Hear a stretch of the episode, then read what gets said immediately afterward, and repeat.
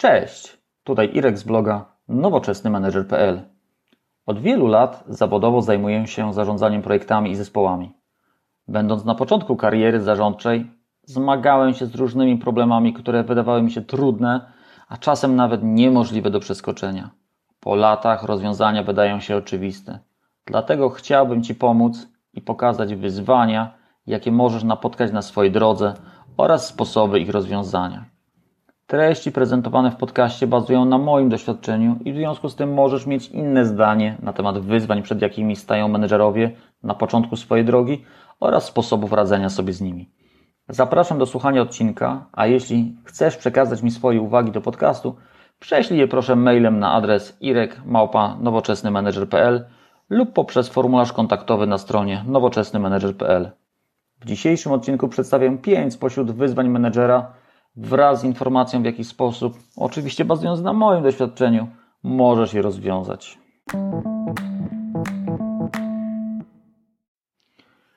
Pierwsze wyzwanie. Jak mam komunikować się z innymi osobami? Jako menedżer musisz przekazywać informacje różnym osobom: szefostwu, klientowi, zespołowi, dostawcom. Określenie z kim, jak się komunikować może być początkowo dużym wyzwaniem. Jakie jest rozwiązanie? Kluczowym elementem, bez którego nie jest możliwa efektywna komunikacja, jest analiza interesariuszy, czyli osób, których projekt w jakimś stopniu dotyczy lub mogą mieć na niego wpływ. Bez wiedzy, kim są interesariusze, nie możesz określić, jaki powinien być przedmiot komunikacji, jej częstotliwość i forma. Interesariusze mogą być zarówno wewnątrz projektu, jak i poza nim. Mogą znajdować się w zespole, ale niekoniecznie. Każdy z nich ma inne potrzeby i możliwości wpływu na projekt. Do niektórych z nich należy wysłać maila raz na tydzień, dla innych zrobić prezentację raz na miesiąc, a z kolejnymi spotkać się raz na jakiś czas i pogadać przy kawie. Wybór efektywnych form komunikacji z poszczególnymi osobami będzie bardzo trudny, jeśli nie zrobisz takiej choćby uproszczonej analizy. Przykład z mojego doświadczenia. Podczas realizacji projektu, którego celem było stworzenie aplikacji mobilnej wykorzystywanej podczas Światowych Dni Młodzieży w 2016 roku w Krakowie, spotkałem się z kompletnie innymi interesariuszami niż miało to miejsce podczas realizacji wcześniejszych projektów.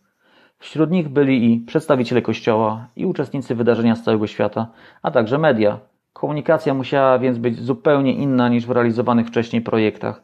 Dzięki przeanalizowaniu interesariuszy komunikacja była bezproblemowa, a projekt zakończył się sukcesem. Wyzwanie drugie, czyli jak zmienić punkt widzenia związany ze zmianą pełnionej funkcji. Punkt widzenia menedżera jest zupełnie inny niż członka zespołu, czy też pracownika. Jako pracownik skupiasz się na realizacji swoich zadań, podczas gdy jako menedżer musisz wesprzeć innych w realizowaniu ich zadań oraz zrealizować zadania przypisane bezpośrednio do Ciebie. Nie wystarczy więc, że zrobisz tylko to, co musisz zrobić sam, aby odnieść sukces. Zadania wykonywane przez członków zespołu również muszą być zrealizowane. Jak poradzić sobie z taką zmianą roli? Jest rozwiązanie. Musisz pamiętać, że jako menedżer jesteś jednocześnie także częścią zespołu. Sukces zespołu zależy zarówno od Ciebie, jak i Twój sukces zależy od zespołu. Wytłumacz zespołowi swoją nową rolę, jednocześnie podkreślając, że nadal jesteś częścią zespołu. Żeby wesprzeć pracowników w realizacji ich zadań, musisz wiedzieć, co i po co robią. Musisz wsłuchiwać się w to, co mówią i jakie sygnały przekazują. Jedne osoby będą wprost podnosiły problem, inne będą siedziały cicho przy swoim biurku całymi dniami, próbując samodzielnie, aczkolwiek nieskutecznie poradzić sobie z zadaniami. Bardzo ważne jest więc z jednej strony pozostawienie osobom swobody do prób samodzielnego rozwiązania problemu, z drugiej wyznaczając granice, kiedy osoba powinna zwrócić się o pomoc. Takie jasne postawienie sprawy i rzeczywista praktyczna pomoc przekonają członków zespołu, że działacie wspólnie, aby osiągnąć wyznaczone cele. Przykład z mojego doświadczenia. W pewnym momencie zmieniła się moja rola z kierownika projektu na szefa działu realizującego portfel projektów. Wymagało to ode mnie całkowitej zmiany podejścia do niektórych rzeczy. Do dzisiaj pewne rzeczy inaczej bym zrobił jako kierownik projektu, a inaczej jako dyrektor. Dodam poza tym, że ludzie często śmieją się ze mnie, gdy mówię o sobie w liczbie mnogiej. Na przykład coś zrobimy, a nie coś zrobię. Wynika to nie z nadmiernego rozrostu ego, ale tego, że realizujemy zlecone zadania jako zespół. Przy skali projektów, które realizuję, Żaden z projektów nie udałby się bez zespołu, więc jeśli zadanie jest zlecone mnie, to i tak w większości przypadków do jego realizacji muszą być zaangażowane inne osoby, które posiadają dodatkowe informacje lub wiedzę niezbędną do jego realizacji.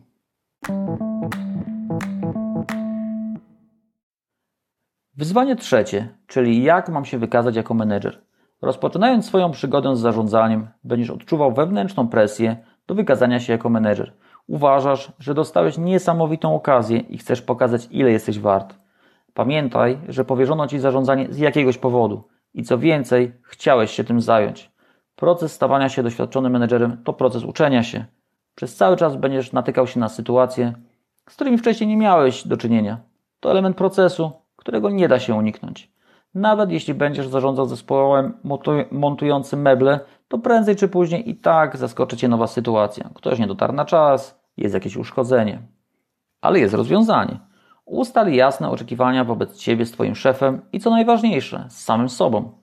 Ustanowienie celów, jakie są postawione przez Tobą do realizacji, sprawi, że sprawa stanie się prostsza. Oczywiście z czasem będą się one zmieniać, ale jasne wyznaczenie osiągalnych i mierzalnych celów może znacznie to uprościć. Priorytety organizacji, w której pracujesz, zmieniają się w czasie. Bardzo ważne jest określenie celu, w jakim realizujesz Ty i Twój zespół powierzone zadania. Sprawa wydaje się oczywista, ale w praktyce zadziwiająco często nie jest to jasno określone. Przykład? Zdarza się, że przy realizacji projektu pojawiają się dodatkowe zadania do realizacji, które nie są kluczowe dla osiągnięcia wyznaczonych celów. Gdy czasu jest mało, nie warto rozpraszać zespołu, ale skupić się na tym, aby wyznaczony cel został osiągnięty. Jak powiedział John Maxwell, przyczyną nieosiągania większości celów głównych jest zajmowanie się w pierwszej kolejności sprawami drugorzędnymi. Czyli jeśli zrealizujesz zadania poboczne, a nie osiągniesz celu, to Twoja praca zostanie oceniona pozytywnie. Odpowiedź jest oczywista. Zostałeś menedżerem nie po to, aby robić wszystko sam, choć pewnie tak byłoby dla Ciebie najwygodniej. Pracę w zespole trzeba rozplanować na cały zespół i je delegować. Cele zwykle są tak skonstruowane, że ich samodzielne osiągnięcie nie jest możliwe. Wyzwanie czwarte, czyli mam milion rzeczy do zrobienia, jak się mam w tym odnaleźć? Jako menedżer jesteś narażony na niekończący się strumień zadań płynących z różnych stron. Klient zgłasza problem, członek zespołu chce iść na urlop, trzeba przygotować raport dla szefa. Lista zadań wydaje się nie kończyć. Jest rozwiązanie. Po pierwsze, musisz efektywnie zarządzać kanałami z nadpływającymi zadaniami. Wszystkie zadania powinny znajdować się w jednym miejscu, najlepiej w dedykowanym do tego narzędziu. Po drugie, musisz ograniczyć czas spędzony nad każdą z informacji. Jeśli otrzymujesz mail, to trzeba zdecydować, czy musisz coś z nim zrobić, czy nie. Jeśli nie, mail ląduje w archiwum. Jeśli tak i zajmuje to chwilę, na przykład opisanie faktury, zrób to od razu. A jeśli wymaga to jakichś większych działań, zastanowienia się, wprowadź na listę zadań do realizacji w wybranym narzędziu. Ciągłe wracanie do skrzynki pocztowej, faksów, informacji z komunikatorów nie jest efektywne. Zarezerwuj w kalendarzu czas na realizację własnych zadań zarządczych, organizacyjnych, planowania. Ja rezerwuję taki czas codziennie od 7 do 10 rano. W efekcie staram się nie omawiać spotkań wcześniej niż o godzinie 11, aby rano, kiedy jestem najbardziej efektywny, móc zrealizować najważniejsze zadania. Jeśli mam napisać ważny dokument, zrobić ważną analizę wymagającą skupienia, planuję realizację tych zadań na te zarezerwowane godziny. Dodatkowo musisz mieć czas na odpoczynek. Bez odpoczynku da się pracować przez jakiś czas, ale na dłuższą metę efektywność spada znacząco. Przykład z mojego doświadczenia. W szczytowym momencie realizacji przez zespół kilku projektów potrafi do mnie spływać ponad 200 maili dziennie. Bez dobrze zorganizowanego mechanizmu nie jest możliwe uporanie się z nimi. Testowałem kilka narzędzi, ale najbardziej przypadł mi do, do gustu Todoist, który super integruje się z Outlookiem i Gmailem oraz ma klienta webowego, desktopowego i mobilnego. Dzięki temu, jeśli muszę się czymś zająć, to przenoszę maila do Todoista z odpowiednią kategoryzacją i opisem. Robiąc regularne przeglądy zadań, planują terminy ich realizacji. Wyzwanie piąte. Nie mam pojęcia, co zrobić w danej sytuacji. Jeśli nie masz dużego doświadczenia w zarządzaniu, a nawet jeśli je masz, to możesz odczuwać presję, żeby znać odpowiedzi na wszystkie pytania. To jest niemożliwe. Nikt nie wie wszystkiego. Każdy projekt jest inny, każdy zespół funkcjonuje inaczej. Nawet jeśli weźmiesz udział w 100 szkoleniach i przeczytasz 1000 książek, to zawsze znajdzie się zagadnienie, na które nie będziesz znał odpowiedzi. Ale jest rozwiązanie. Jeśli zidentyfikowałeś już interesariuszy, to możesz skorzystać z ich pomocy. Są wśród nich osoby, które będą znały odpowiedzi na część pytań. Drugą możliwością jest znalezienie bardziej doświadczonego kolegi albo szefa, z którym możesz pewne rzeczy skonsultować. Jeśli nie wchodzi w to w grę, to pozostaje trzecia metoda analiza problemu, rozbicie go na mniejsze elementy składowe i rozwiązywanie problemów elementarnych. Oprócz tego korzystaj z doświadczenia innych, z którymi możesz zapoznać się w książkach, podcastach czy na szkoleniach. Zarządzanie to proces ciągłej analizy, ale i także nauki. Na blogu Nowoczesny Menedżer pokazujemy książki, podcasty i narzędzia warte uwagi. Przykład? Realizując projekty, wielokrotnie stawałem przed sytuacją zrozumienia nowej branży. Najprostszym rozwiązaniem jest zadawanie odpowiednich pytań podczas rozmów z interesariuszami, aby zdobyć potrzebną wiedzę. Z mojego doświadczenia wynika, że osoby posiadające duże doświadczenie zwykle bez żadnego problemu dzielą się swoją wiedzą.